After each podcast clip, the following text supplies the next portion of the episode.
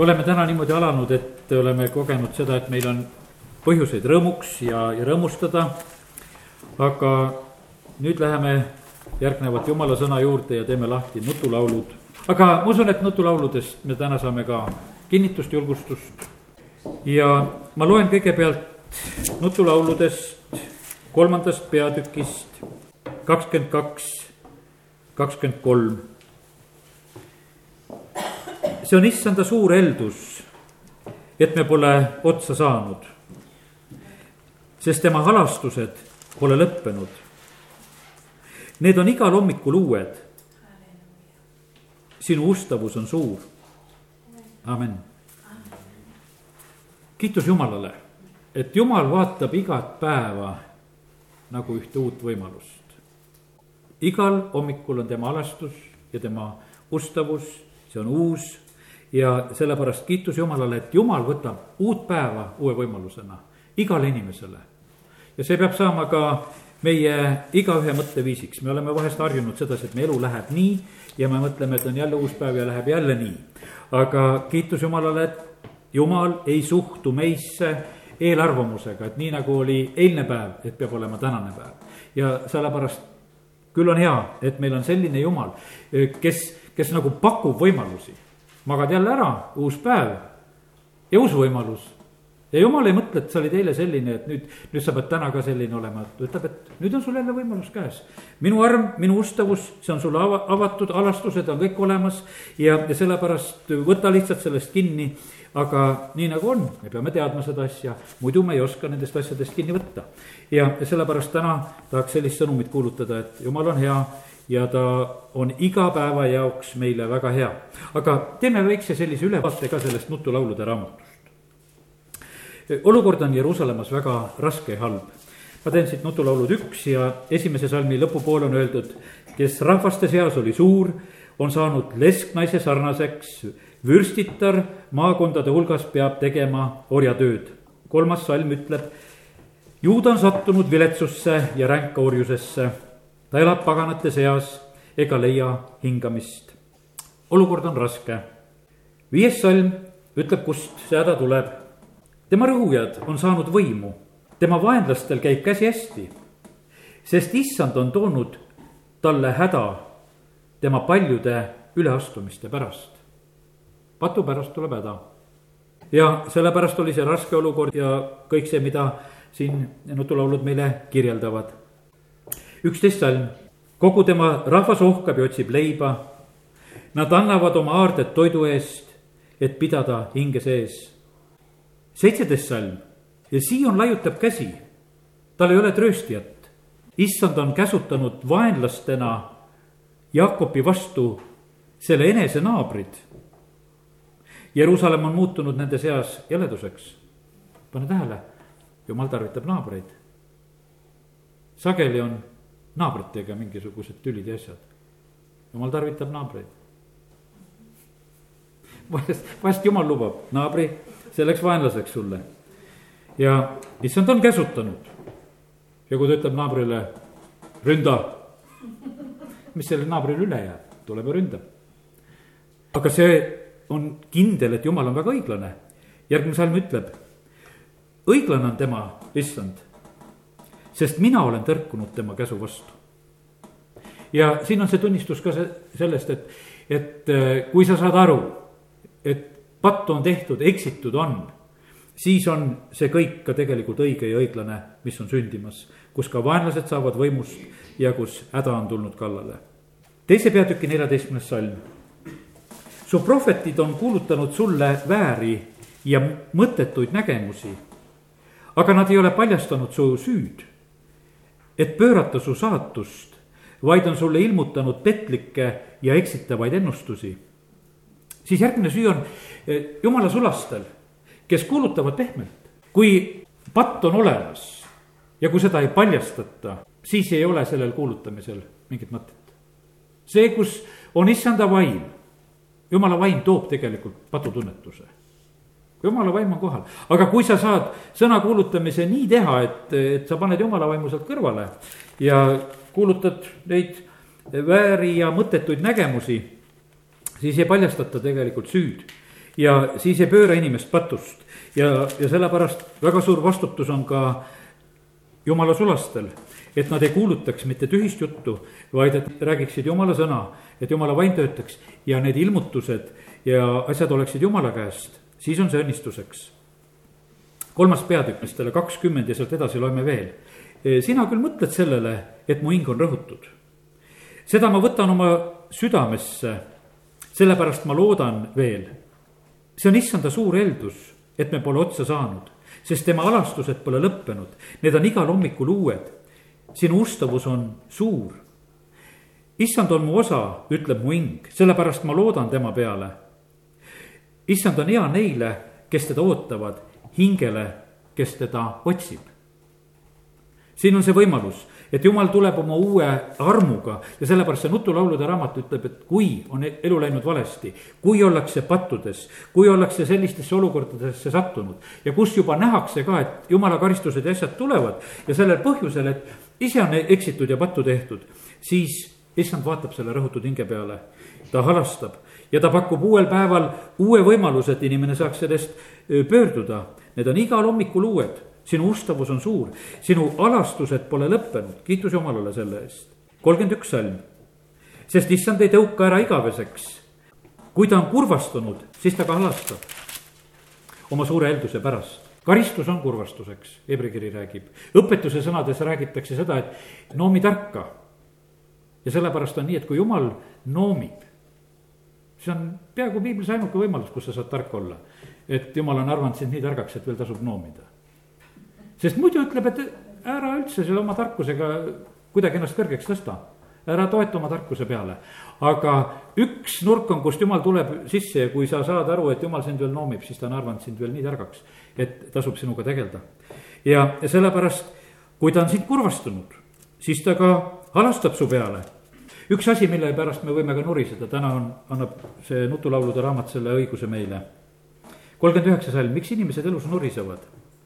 ja siis on see lubadus, mille pärast nuriseda tohib. igaüks nurisegu omaenese patu pärast. kui pattu teed, siis võid nuriseda küll, et on üks hull asi küll, millega tegelen. ja, ja selle üle võib nuriseda, ainukene asi, mille üle ka jumala sõna lubab nuriseda. ja salm nelikümmend ütleb, uurigem ja proovigem oma teid ja pöördugem tagasi issanda juurde.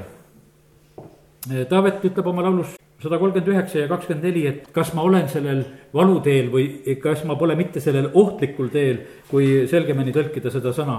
ja sealsamas ta ütleb ennem, et uuri mind läbi ja, ja siin samamoodi, siin ka nutulauludes seesama mõte, uuri ja proovi oma teid ja pöördu tagasi issanda juurde. Nelikümmend üks salm, tõstkem oma südamed ja käed Jumala poole taevas. ja viis kakskümmend üks too meid issand tagasi enese juurde, siis me pöördume. uuenda meie päevi nagu muiste. sellega ma nagu selle nutulaulude sellise ülevaate nagu lõpetan. ja minu jaoks, kui ma seda laulu lugesin, siis ma sain nagu rõõmsaks, ma nägin, et, et kui uus päev pakub uue võimaluse, siis see laul lõpeb sellega, et, et jumal pakub nagu sellise praegusel ajal me saame nii rääkida, et nagu arvutile, et asi läheb liiga sassi, arvuti jookseb liiga kinni, siis teed lihtsalt restardi. või mõnel asjal, mobiilil või asjal või kuskil, tahaks selle tehase seade taastada. on kuskil vahest väikene auk, mingi peene asjaga saad torgata sinna, et taastada tehase seade. et see, kuhu sa oled vahepeal läinud ja, ja kõik nagu ära puterdanud, on sassis. ja siis on nagu see restardi võimalus, et teeme selle uuesti, teeme nii, nagu oli alguses. teeme nii, nagu jumal alguses plaanis. ja, ja sellepärast see salm too meid issand tagasi enese juurde, siis me pöördume. uuenda meie päevi nagu muiste. me tahame saada selliseks, nii nagu sina oled plaaninud. siin selles nutulauludes tarvitatakse seda sõna, see oli kaks neliteist, et pöörata su saatust teatud mõttes ma olen selle sõna saatusega nagu hädas, sellepärast et sõna saatust eesti keeles tarvitatakse vahest väga ühekülgselt. sest inimesed nii maailmas ütlevad, et see on mu saatus aga jumal räägib siin, et, et pöörata sinu saatust. tähendab, see saatus ei ole selline saatus, mida pöörata ei saaks. ja jumala sõnas ei ole mitte see saatuse sõna sellisel moel tarvitusel, et see on üks selline asi, mis, mida muuta ei saa, vaid jumal just tahab, et meie saatus saaks pööratud. Ja ta pakub meile võimalust ja sellepärast me peame ka selle, selle sõna sisu õieti ära õppima ja ka nendele inimestele heatahtlikult ütlema, kes vahest ütlevad, et see on minu saatus. siis ütle seda, et, et see ei ole tegelikult nii, et sinul on mingisugune kindel saatus, mida sina pöörata ei saaks. jah, su elus võib olla, mis asi, see kõige parem jumala tahe mille juurde me juba lõpuks välja jõudsime, et, et teed selle restardi ja tahad soovida seda, et, et jumal, sinu algne plaan tuleks esile sest kui mõtleme selle peale, et kui jumalal oli plaan, kui sa olid ema ihus, kus sa üldse millegisse ei sekkunud. ja jumal on üldse niimoodi loonud sedasi, et, et sa ei saa veel nagu tükk aega sekkuda sellesse elusse nagu päriselt. noh, süüa saad küsida ja, ja mingid asjad, mõned instinktid hakkavad sul tööle, et need imemisliigutused ja, ja neid sa ei tee nagu käsu korras, vaid et need on su sisse pandud.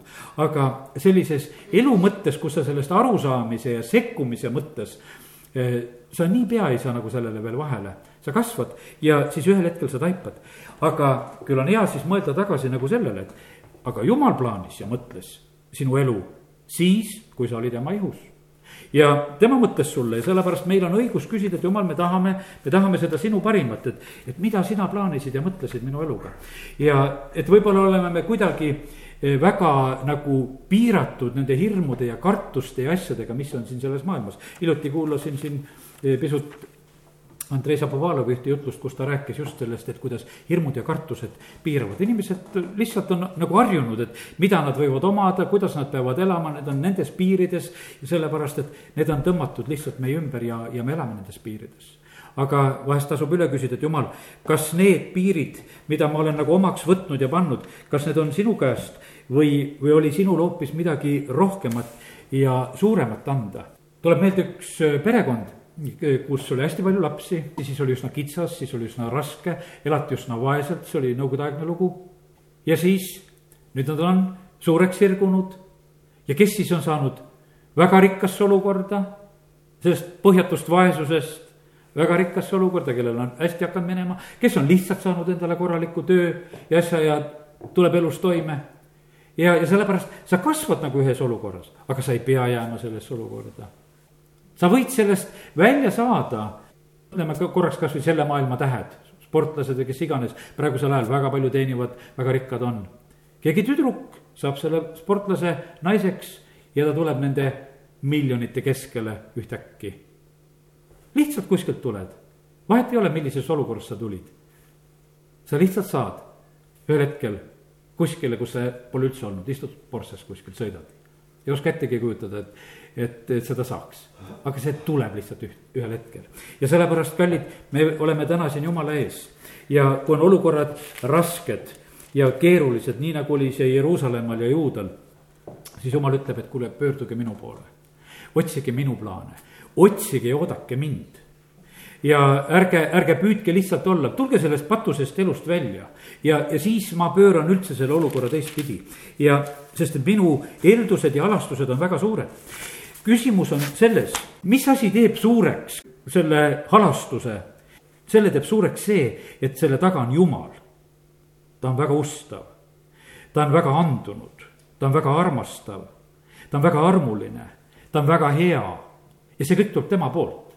Ja nüüd on niimoodi, et kui meie tuleme eh, sellesse keskkonda, kus on jumala arm, alastus, selline noh, andumus meie jaoks.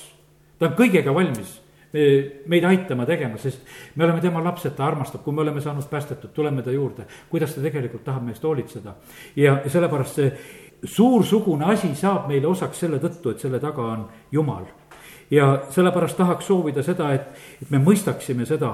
see sõna siin nutulauludes oli öeldud, et, et sinu halastused, see on mitmuses öeldud sõna. Me ei suuda täna seda siin sõnadesse panna ja Toivo ammugi ei suuda, püüan küll siin midagi ütelda, aga, aga pangu ise jumal. et kus sa nagu koged, et, et tema tõmbab nagu midagi väga laia lahti, sest see on tema pakkumine, tema võimalus. ja supervärk on ju see, et ta on selle pakkumisega igal hommikul su juures on igal hommikul su juures. ja sellepärast ära võta kitsalt ette, et jumal, kui sa oled nii laialt pakkumas, ma tahaksin näha sellel päeval, mida sa esile tood. me oleme sellel aastal üksteist julgustanud, et see on aasta, kus jumal lahendab suuri ja keerulisi asju. võtame sellest kinni, aga näed, kui jumal ära mõne asja lahendab, siis vaatad, et, et see oli nagu hopsti lahendatud. ja sellepärast usaldame teda, sest ta on väga hea, ta on väga võimas ja ta on selle pakkumisega meie ees me elame päevakaupa, nii nagu oleme siin rõhutanud ja mingis mõttes siis iga päev toob uue võimaluse. Aga iga päev on ka nagu meie proov. jumal on pannud meid nagu elama päevast päeva. Iisraeli rahval oli üks suur katsumus, oli see, et nad pidid seal kõrbes sööma mannat. seda nad pidid igal päeval korjama, see oli nagu igapäevane nagu selline teatud proov, selles oli palju jumala imet. aga tuletan lihtsalt meelde mõnda piiblisalmi ennem veel, kui sinna teise Moosese kuueteistkümnendasse läheme Jeesus ütleb seda ja vaata, ma olen iga päev teie juures ajastu lõpuni. täna sellise jutu juures jätame meelde, see on see Mattiuse kakskümmend kaheksa, kakskümmend äh, salmi lõpp. Äh, siis Mattiuse kuus kolmkümmend neli, Jeesus ütleb, et ärge siis hakake muretsema homse pärast, küll homne päev muretseb ise enese eest. igale päevale piisab oma vaevast. Mattiuse kuus üksteist, kus on meie isa palve. Meie igapäevast leiba anna meile täna päev. leiba või toitu anna meile sellel päeval. ja sellepärast jumal paneb meid ka päevakaupa tegelikult sellises mõttes proovile. ja, ja toit on just selles ka üks selline väga otsene asi. Lähme sinna teise Moosese kuueteistkümnendasse peatükki ja siis eh, tulevad olukorrad kätte ja kus nad tunnevad sedasi, et kuule, nälg tuleb kätte. ja veel kiiremini, kui nälg tuleb kätte, tuleb janu kätte. ja, ja teise Moosese viieteistkümnendast peatükist võiksime lihtsalt vaadata, seal on võimas asi, nad tulevad merest läbi, siis on Moosese võidulaul.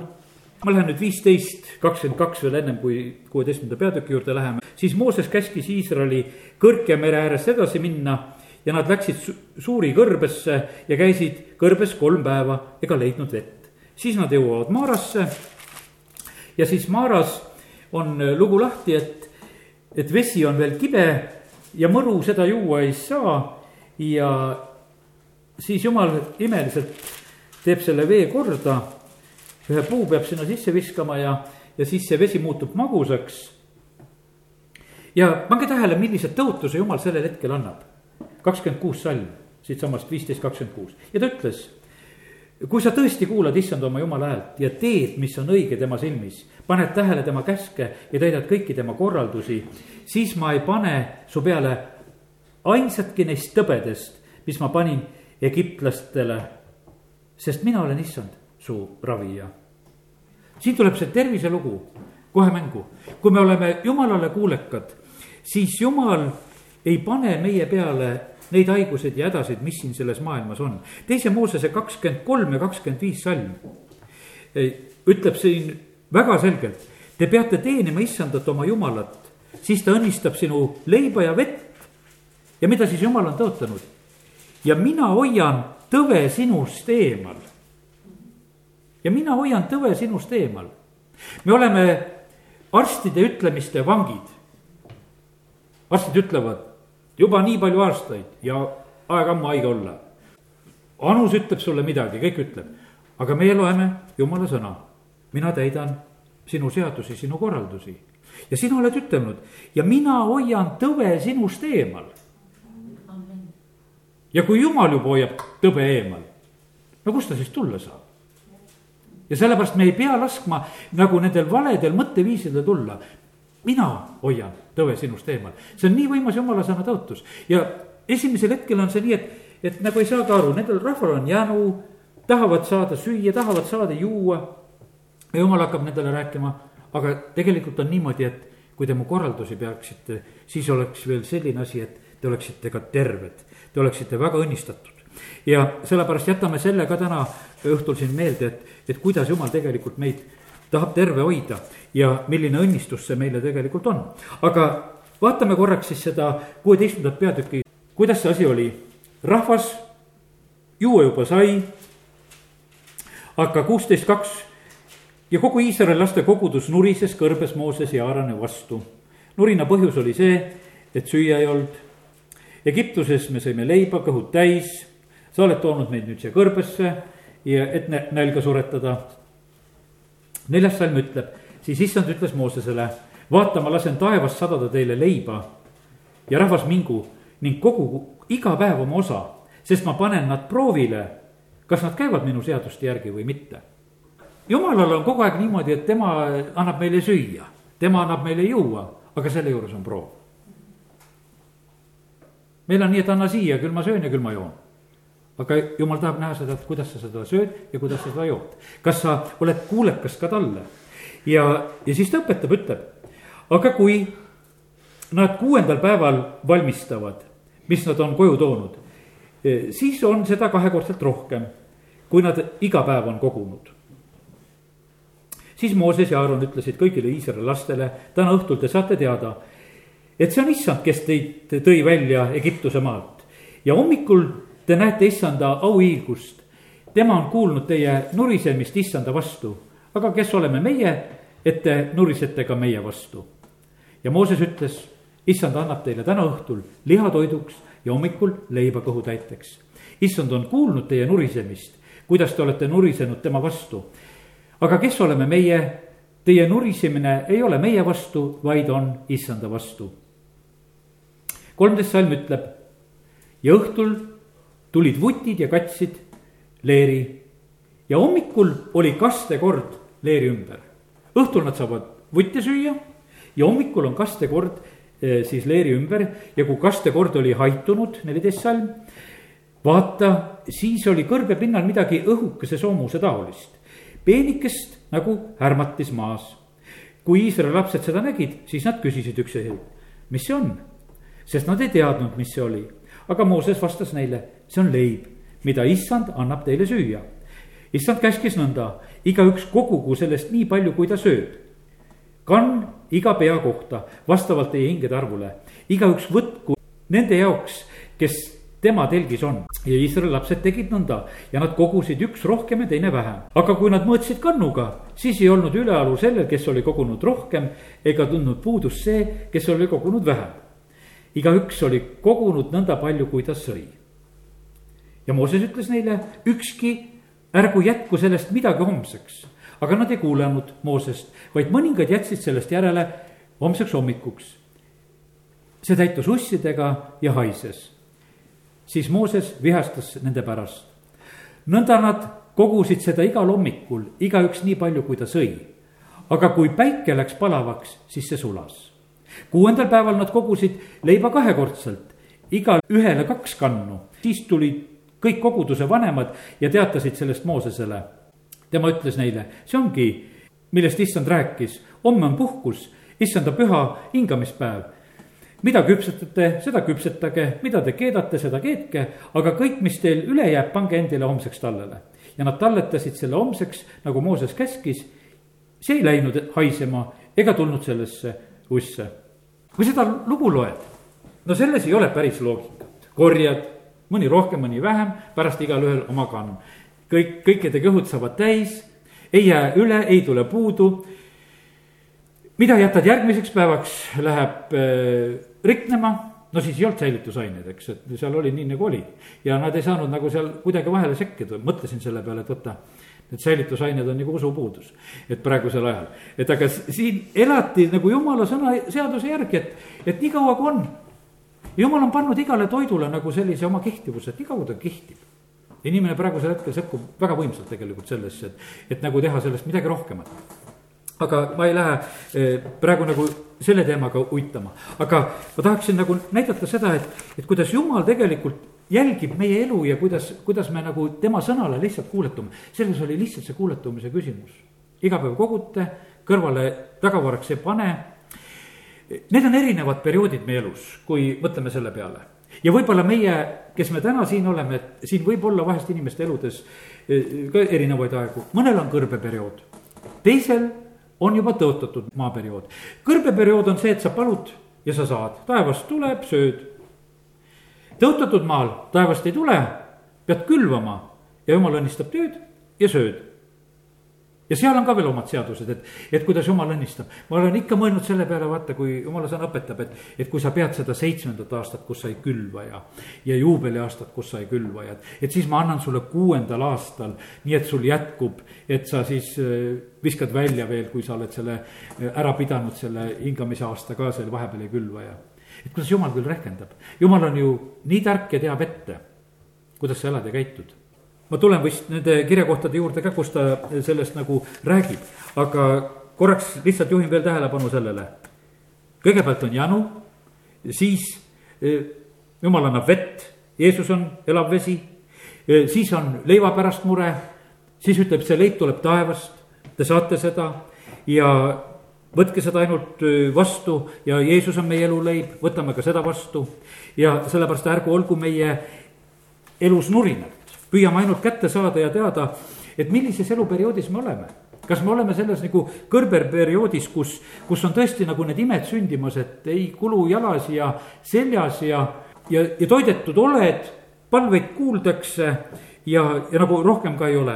aga jumal ootab ja tahab, et me jõuaksime tõotatud maale, siis tõotatud maal on üks, üks asi veel.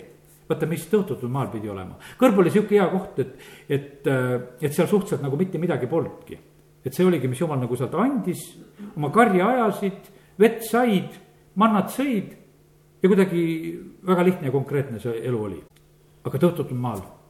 Tuli rahvad ära ajada, tuli sõda pidada, tuli kurjust taltsutada ja, ja sellepärast meie, me oleme siin selles maailmas ka, kus on tegelikult vaja valesid asju taltsutada kus tuleb kurjale vastu seista, kui me oleme täna juba siin rääkinud, et näed, kirikupea võtab selle eetikakoodeksi ülesse, ta püüab selle kaudu tegelikult kurja taltsutada, panna piirisid maha, teisiti ei ole võimalik, seda peab tegema, et õnnistused oleksid meiega ja sellepärast jumal ootab, et, et meie siin selles maailmas tegelikult nagu tegutseksime tema seaduse piirides. nii ta on. hommikul vara pidid koguma, ka see on üks äh, õnnistuse mõte. kui tõuseb päev, siis see haitub ja sellepärast on tark, kui me suudame ennast nii palju distsiplineerida, et me oskame hommikuid tarvitada ka sõna jaoks, see ei ole võib-olla kerge, tõusta vara olla. aga päev tuleb, kus kõik nagu noh, ütleme, see palav tõuseb ja, ja kõik kaob, sest et need ülesanded, asjad tulvavad nii peale. jumal teab sedasi, et hommikul on sul see eh, pea veel natukese võib-olla tühjem nendest muudest asjadest, et mul on nagu lihtsam sulle sinna panna. ja võta see praegusel hetkel vastu, kogu ära ja sa oled õnnistatud selle kaudu. kui ma mõtlesin selle peale, et me elame päeva kaupa, õpetuse sõnadest tuli mulle see salm meelde. kuidas õpetuse sõnades on öeldud, mis juhtub. õige langeb seitse korda ja tõuseb üles, aga õelad komistavad õnnetusse. päevakaupa elamisest räägime, iga päev langed, iga päev tõused. jumal nagu ei ehmata sellest ära, ta ütleb, et õige langeb seitse korda ja tõuseb ülesse. Meie jaoks on see harjunud, ütleme, selline mõtteviis ka ju osad tooteid, kui reklaamitakse, et seitse kakskümmend neli. siis me saame aru, et jutt on, et igal päeval, igal tunnil kehtiv asi. ja siin jumal ütleb, et õigega ka juhtub nii, et seitse korda juhtub, aga ta iga kord tõuseb. kiitus Jumalale. psalm sada üheksateist, sada kuuskümmend neli, selles pikas laulus on öeldud, seitse korda päevas ma kiidan sind su õiguse seaduse eest.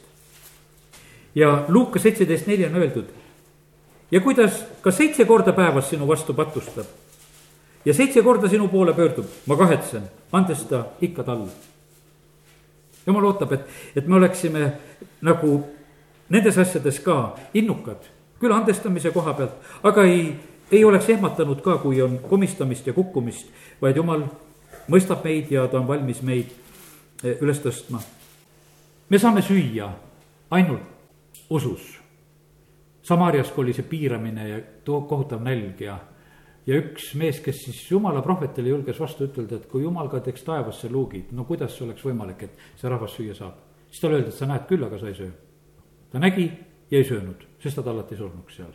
mul on ikka meeles see näide, mida vend Arvo Kajaste kunagi ammu tarvitas ja rääkis, ütles, et ühest eh, usklikust naisest, kellel oli uskmatu mees ja naine ikka ütles, et kui jumal lubab, kui jumal lubab ja mees oli tüdinud, et mis asja jumal kogu aeg peab lubama sul siin. ja ühel korral ka naine kutsub teda eh, sööma ja oli seal ka suutnud sõnad vahele ütelda, et umbes, et tule, kui jumal lubab ja. mees ütleb, et ma tulen ja söön ja siin pole jumalal mitte midagi lubada. tuli, istus lauda, koputati ukse peale ja viidi Siberisse sellel hetkel. tuli mitmete aastate pärast tagasi ja koputab siis akna peale oma naisele. Märgib, kes seal on. kui jumal lubab, sinu mees oli ära õppinud, et kui jumal lubab. ja, ja see, ja sellepärast see on nii. kui me kuuletume, siis jumal hoiab tõve eemal, jumal õnnistab ja, ja sellepärast aidaku meid Jumal, et me oskaksime nagu iga päeva näha sedasi, et, et see on tegelikult tema poolt pakutud võimalused. Aga igal päeval on ka see proov, millega tegelikult Jumal meid katsetab. kolmas Mooses kakskümmend kuus, kümme. seda lõiku oleks tegelikult hea täitsa pikemalt lugeda. ja oleme Jumala kojas ja ühe hetke võtame veel Jumala sõna jaoks aega. ja mis see kakskümmend kuus, kolm kakskümmend kuus ütleb? ei tohi ebajumala kujusid teha, nikerdatud kujusid, ei ühtki sammast oma maale eh, kummardamiseks kivist kuju. Eh, kui käite seaduste järgi, kolmas salm, vihm on õigel ajal, saate leiba süüa küllastuseni, viienda salmi lõpp. ja elada oma maal julgesti. noh, mida veel? kõik garantiid on antud sellega, kui teed nende jumala seaduste järgi. saate rahulikult magada, kurjad metsloomad, mõõk ei käi maast üle kümnes salm. Teil jätkub söömiseks vana, mullust vilja, uudse pärast peate välja viskama mulluse. Ja, ja küsimus on selles, et tegelikult kuidas nagu jumal õnnistab seda, mis sul on. ma lugesin ka seda kohta, see on kolmas Mooses kakskümmend viis ja kakskümmend üks salm. Eh, siis ma annan teile kuuendal aastal oma õnnistuse, et see annaks saaki kolmeks aastaks. kas me oleme näinud sellist õnnistust? kolme aasta saak tuleb aga jumal võib ka seda pakkuda, et tuleb kolme aasta saak. sa külvad, jumal ütleb, et ma nüüd õnnistan niimoodi, et, et sul on kolmekordne. uues testamendis on see lugu, et rikka mehe põllumaa kandis hästi vilja, ütleb, mis ma teen, kisun aidad maha. Ja ehitan uued. Ja nüüd hing söö ja joo ei ole rõõmus, sest vaata, mul on nii palju kõike vara eh, kõrvale pandud ja siis Jeesus ütleb hoopis, et edasi selles loos, et sina arutusel samal ööl nõutakse sinult su hing. Ja jumal nagu sekkub äh, nendesse asjadesse. Ja nõnda on lugu sellega, kes kogub tagavara iseenese jaoks, kuid ei ole rikas jumalas. ja sellepärast see, kuidas me siin elame igal päeval. noh, jumal ootab, et, et selles oleks väga temaga kogu aeg suhtlemine. et kui me oleme õnnistatud ja kui sa oled nüüd tark jumala laps ja saad aru, et kus jumal pani õnnistuse peale, siis, siis oli tal see plaan anda sulle kuskil hingamist, et nüüd tõi õnnistuse. nüüd on sul see hingamisaasta, sa saad üks mu sõpradest kunagi ütles, et ma sain kümne aasta palga. Tegin tööd, tegin tööd, nüüd ma sain kümne aasta palga. äkki tuli, ühel konverentsil kuulates, jumala mees saab teadmise, nüüd tuleb müüa see asi ära. ja ta saab seal oma selle suure palga. teine, ta kaaslane, kes ei olnud jumala laps, küsib, kus sul on see sisemine info, kus sa tead neid asju? meil on püha vaim ja kui sa kuuletud talle, sa oled õnnistatud ja sellepärast jumal tahab meid õnnistada. ta tahab, et me märkaksime nagu ära, et millal meil need õnnistused on. ja et me tooksime talle selle eest kiitust ja tänu. jumala sõna ütleb seda, et ära näe vaeva rikkaks saamiseks ja ära kuluta selleks oma mõistust. see on õpetuse sõnad kakskümmend kolm, neli. kui sa pöörad oma pilgu selle peale, selle rikkuse, selle asja peale, siis ei ole seda enam. sest rikkus saab enesele tiivad, otse kui kotkas ja lendab ära taeva poole ja sellepärast ei ole mõtet neid aitasid asju lihtsalt maha kiskuda ja, ja kui sa nagu ei küsi eh, jumala käest, vaid et kui sa seda saad, siis küsid, et jumal, miks? jumal ütleb oma sõnas, ta tahab te teha meid rikkaks iga hea teo tarvis ja sellepärast, kui jumalal on eh, midagi plaanis ja ta teeb, siis kindlasti ta ilmutab seda ja annab sulle ka teada, miks sinu elus asjad sünnivad. nii et kiidame Jumalat, teeme seda igal päeval ja arvestame tema reeglitega, nagu tähele panime, et see ei ole tavaline lugu, millest me täna räägime. siin on nii palju selliseid tundmatuid suurusi ja muutujaid, et kogud, asi tehakse võrdseks. kogud rohkem, ei ole rohkem, kogud vähem, jälle tehakse võrdseks. jumal sekkub nendesse asjadesse, arvestame sellega ka, et me oleme täna ka elamas just eh, jumala ees ja, ja tema saab ta saab hoida, et ei rikne, et vana püsib ja ta saab teha nii, et homme läheb postitama, jälitama. ja võta sa see saak kinni. no mõni aasta on need õunad nii, et no katsu neid hoida, nad mädanevad sul kohe ära kätte. ja teinekord saad need kuidagi hoitud. mis, mis seadused ja asjad nendes kehtivad ja sellepärast on nii, et kui me otsime ja tuleme Jumalale väga ligi, siis hakkavad need asjad tööle, tegelikult need õnnistused tööle. riigid üritavad teha, et, et sul oleks toiduvarusid sõjaks ja, ja viid kuskile põhja ja paned seal jää suurtesse kambritesse kuskile sügavale põhjas, peidad ära, et oleks konserve ja asju ja, ja püüad teha. see on kõik tegelikult nii tühine selle kõrval, mida jumal saab tegelikult teha. ja, ja sellepärast aidaku meid Jumal, et, et me oskaksime märgata teda. jäta täna meelde see, millest algasime, et igal hommikul on Jumala alastused uued. et kui pole täna nii veel välja tulnud, kui ta oleks tahtnud siis homme hommikul, halleluuja, jumal, kõik variandid on jälle võimalikud. ja kui vaja, tee see restart ära ja hakkame jälle puhtalt pihta. küll läheb hästi, amin